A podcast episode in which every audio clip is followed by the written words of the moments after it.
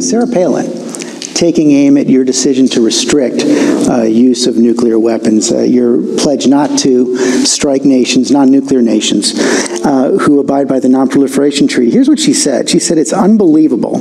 Your response? I really have no response to that. The last I checked, Sarah Palin's not much of an expert on uh, nuclear uh, issues. هذا المقطع مو عشان نستشهد بالمحتوى اللي فيه زي العادة لكن عشان نتعرف على الخطأ اللي وقع فيه أوباما في طريقة استدلاله.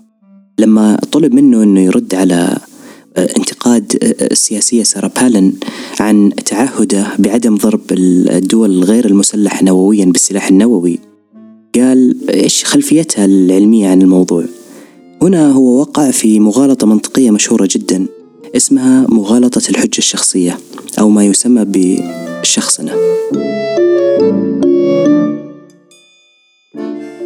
حياكم في بودكاست سدرة اللي يتم إنتاجه من قبل الاستوديو الطلابي بوحدة الوعي الفكري بجامعة الملك سعود بن عبد العزيز للعلوم الصحية. يهتم البودكاست بإنتاج حلقات مسجلة لإثراء المحتوى الفكري والثقافي في المجتمع. حلقة اليوم موضوعها الرنجة الحمراء. بشكل عام الحوارات اليومية تعتمد على قوة الإقناع. قدرات خطابية أو وجدانية يستطيعون من خلالها إقناع الجمهور سواء كان ذلك بتهييج المشاعر أو نحوه. ولكن وسيلتهم هي المغالطات المنطقية وهذه المغالطات بالعادة ما أحد يلاحظها. المغالطات المنطقية هي عبارة عن أخطاء في المنطق في الاستدلال لكن مو بالضرورة تكون أخطاء في المحتوى نفسه.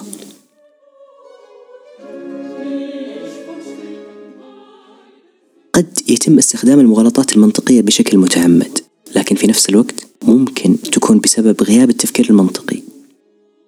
الهدف من أنه نتعرف على هذه المغالطات هو سببين رئيسيين. السبب الأول هو أنه نكون تفكير سليم أو تفكير علمي منهجي واللي يقوم على المنطق. السبب الثاني التعرف على المغالطات المنطقية يعطينا القدرة على التحكم في الحوارات اللي نمارسها بشكل يومي. فبالتالي لما نتعرف على المغالطات المنطقية نقدر نتعرف على الأخطاء اللي يقع فيها المحاور وبالتالي يتم تفنيدها. أو نتعرف على أخطائنا نحن في المغالطات المنطقية وبالتالي يتم تجنبها.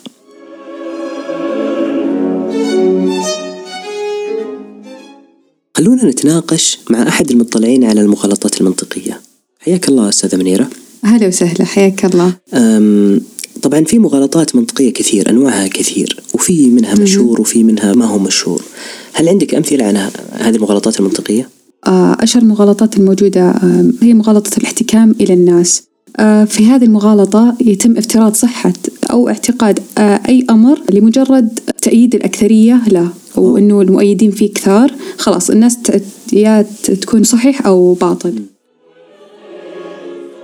يعني أنت تقولي أنه لازم دائما نتجنب آه، رأي الأغلبية في عملية اتخاذ القرارات أو في المعلومات؟ لا طبعا آه، عدد المؤيدين ما يدل لا على صحة ولا بطلان الأمر. فلازم إنه يكون تحت لازم إنه يكون الأمر مدروس أو تحت مراجعة ودقيق. كيف يعني؟ زي إيش؟ زي مثلا السياسة. لما الانتخابات السياسية لازم إنه يكون تحت آه، بناء على عدد المؤيدين. مم. مثلا في المحاكم هيئة المحلفين يعتمد هذا الشيء على عدد المؤيدين. ففي أمور كثيرة آه، تعتمد على رأي الأغلبية.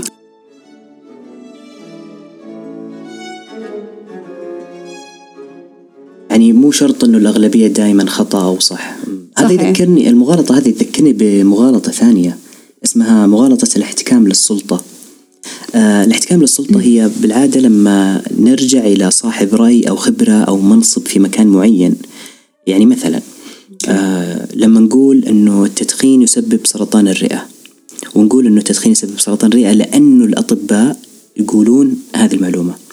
هذه مغالطة منطقية. ليش؟ لأن يعني مثلا إذا الأطباء ما قالوا أن التدخين يسبب السرطان يعني التدخين ما يسبب السرطان صحيح. بالطبع لا. كأنه جعلوا قول العلماء في التدخين آه هو السبب وليس التدخين نفسه. فهذه هي مغالطة الاحتكام للسلطة. لما نحتكم إلى رأي طبيب معين أو مختص في في تخصص معين عن شيء ما له علاقة فيه هذه كمان تدخل ضمن الاحتكام للسلطة.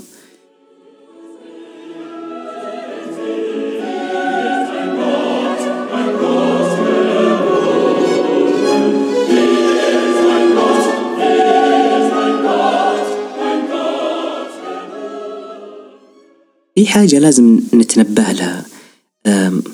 يعني لما قلنا في البداية أنه المغالطات المنطقية هي مو بالضرورة أخطاء في المحتوى نفسه هي فقط أخطاء في الاستنتاج أو الاستدلال. يعني مثلا لو أنا جالس مع أحد وأناقشه وقام قال لي بس أكثر الناس يقولوا كذا زي آه، مغالطة الاحتكام للناس اللي تفضلت فيها قبل شوي. أيوه. آه ما ينفع أنا أجي أقول له آه أنت الحين استخدمت مغالطة منطقية إذا كلامك خطأ.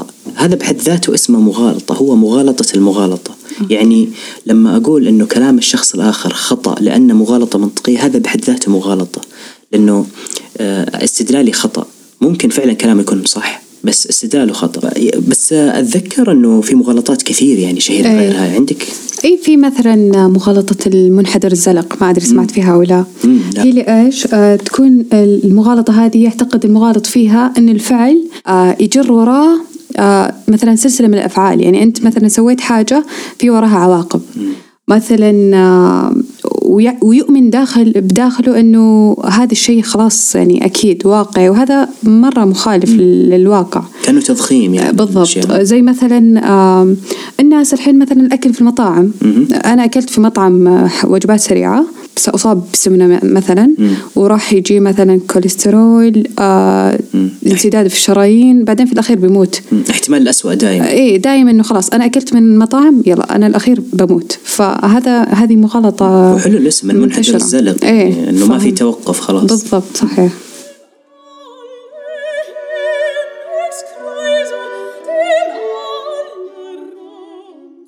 آه، في مغالطة اسمها جميل آه، الرنجة الحمراء.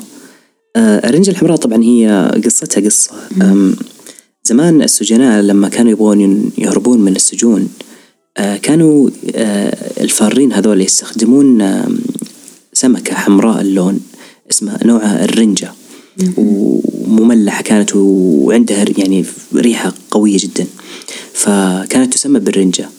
فكانوا لما يهربون من السجن كانوا يجرونها خلفهم. بالتالي كلاب الحراسة والمطاردين لهم ما يقدروا يت- يتقفوا آثارهم. ومن هنا طلعت هذه المغالطة. بحيث إنه لما أحد يتحاور مع أحد ثاني ممكن يتحاورون عن موضوع أو نقطة معينة. فالشخص الآخر يجيب آه، أدلة يعني جذابة جدا لكنها قاعدة تشتت عن النقطة الأساسية. اي كثير. فعشان كذا سموها بالرنج الحمراء. مثال آه لو مثلا أنا قعدت أتناقش مع واحد عن المبيدات الحشرية قاعد أقول له المبيدات الحشرية آم، آه، شيء غير صحي غير كويس ضار بالبيئة إلى آخره. فيقوم يرد علي الطرف الآخر يقول لا المبيدات الحشريه صدقني. شوف هي قاعدة آه، تحمي الفواكه لأنه الفواكه فيها فيتامينات مهمة للجسم وكذا. على عيني وعلى رأسي صح كلامك إن الفواكه منها فوائد. لكن أنت الآن ما رديت على نقطة المبيدات الحشريه. فهو زي الرنجة. زي الرنجة الحمراء. هو تشتيت عن النقطة الأساسية حتى مع عرض أدلة جذابة. وهذا منتشر كثير جدا بين الناس. صحيح. نفسها في استخدام الألفاظ المشحونة بعد. سمعت في مغالطة الاستخدام الألفاظ المشحونة. أيوه، كيف تصير؟ آه هي مثلا على مثلا آه لما أقول لك إحنا نسولف مع بعض أقول لك كلامك كذب. مم. آه استخدامي للكلمة آه هذا يعتبر مغالطة ويعتبر مغالطة من الألفاظ المشحونة. استخدامي للصيغة نفسها ممكن يأثر عليك منطقيا. أنت يا الشخص اللي أنا كنت أسولف معاه يعني يعني إيش المقصود بالألفاظ المشحونة نفسها؟ آه، مثلا استخدامنا لمفردات آه، مثلا آه، متعجرف بدل واثق. يعني مثلا في شخص واثق من نفسه بس إحنا نستخدم كلمة متعجرف من باب الألفاظ المشحونة اللي عندنا. فإحنا قاعدين شو حتى ألفاظنا اللي نستخدمها تأثر على الشخص نفسه. يعني ممكن تهتز ثقته بنفسه. يعني قصدك إنه ممكن نعبر عن نفس الفكرة بس بألفاظ أقل حده بالضبط. مم. ال- المغالطات المنطقية اللي قاعدين نسردها الآن من ضمنها بعد إنه قريت عن مغالطة غريبة جدا اسمها مغالطة الاحتكام للموروث أو للتقاليد. طبعا هي من أحد أشهر المغالطات المنطقية. ويكون فيها إصرار على مبدأ أو تقاليد معينة أو أعراف معينة قديمة وعاف عليها الزمن لكن هذه منتشرة بين الناس بين أعتقد أنها أكثر شيء منتشرة عندنا بعد. مم، فعلا كثير. مم، فالتمسك والإصرار هذا هذا على التقاليد القديمة يعني شيء عجيب. في عشان ما أطول في الشرح في تجربة علمية صارت مثيرة للجدل. كان في تجربة يقولوا إنه كان في خمس قردة. القردة هذول كانوا في قفص وكان في منتصف القفص هذا سلم في أعلى موزة. طبعا بطبيعة الحال القردة هذه حتتنافس على الموزة هذه. طبعا. آه، كانت القردة تحاول التسلق عشان الوصول إلى هذه الموزة. كان يتم رشها بموية باردة جدا كنوع من العقوبة. فحصل عندهم زي اللي يسمونه كونديشننج في علم ال- ال- السلوك. آه، فخلاص صاروا يتجنبون التسلق عشان ما ينرشون بالموية. الغريب فين؟ الغريب إنه لما طلعوا أحد القردة هذه الخمسة وأدخلوا قرد جديد بطبيعة الحال القرد الجديد هذا ما يعرف عن التجربة هذه فيوم جاي يتسلق جو الأربعة قردة القديمة ضربوه. طبعاً هو ما يعرف ليش انضرب. فصار عنده conditioning بعد ال... بعد فترة من كثر ما راح يتسلق وينضرب صار عنده conditioning إنه اذا أو ارتباط نفسي إنه إذا صرت بطلع السلم بنضرب. الأعجب مو بهنا الأعجب أنه لما طلعوا قرد آه، من القردة الأربعة القديمة ودخلوا قرد جديد وهكذا واستمروا لين طل صاروا يدخلون آه، قردة جديدة مع قردة أصلا ما تعرف إيش السبب الأساسي من. وراء الضرب هذا صاروا القردة يضربون ال- ال- القرد الجديد بدون ما يعرفون ليش بدون ما يعرفون أنه فيه موية أصلا باردة أو لا. أول شيء هذا صادم لأنه هذا قاعد يفسر سلوكيات كثير عند البشر. صحيح. إنه قاعدين يطبقون أشياء هم هم عارفين أصلا ليش قاعدين يسوونها. إيه. بس أهم شيء إنها تقاليد. فهذه مغالطة اسمها مغالطة الاحتكام للموروث. صحيح. طبعا هي مغالطات كثيرة وأنت ما قصرتي آه، أستاذة منيرة. طيب. أنا أشكر يعني آه، مساعدتك لي في هذا الموضوع. يعطيك العافية ما قصرت. الله يسلمك.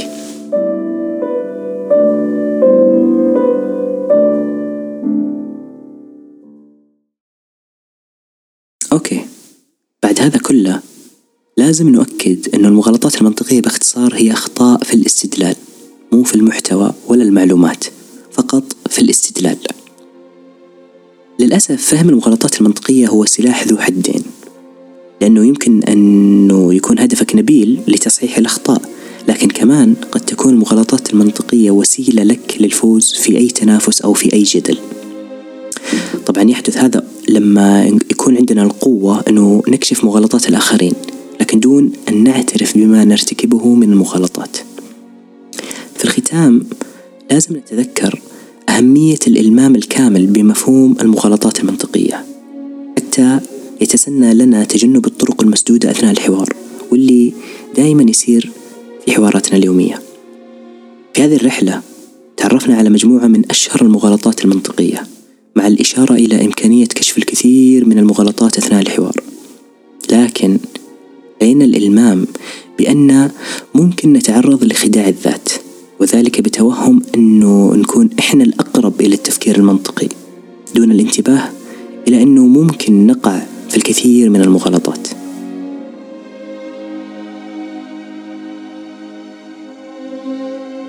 ساعد في إنتاج وإظهار هذه الحلقة كل من أستاذة منيرة أمل العامري رند الشايع. كان معكم محمد العمري برعاية الله.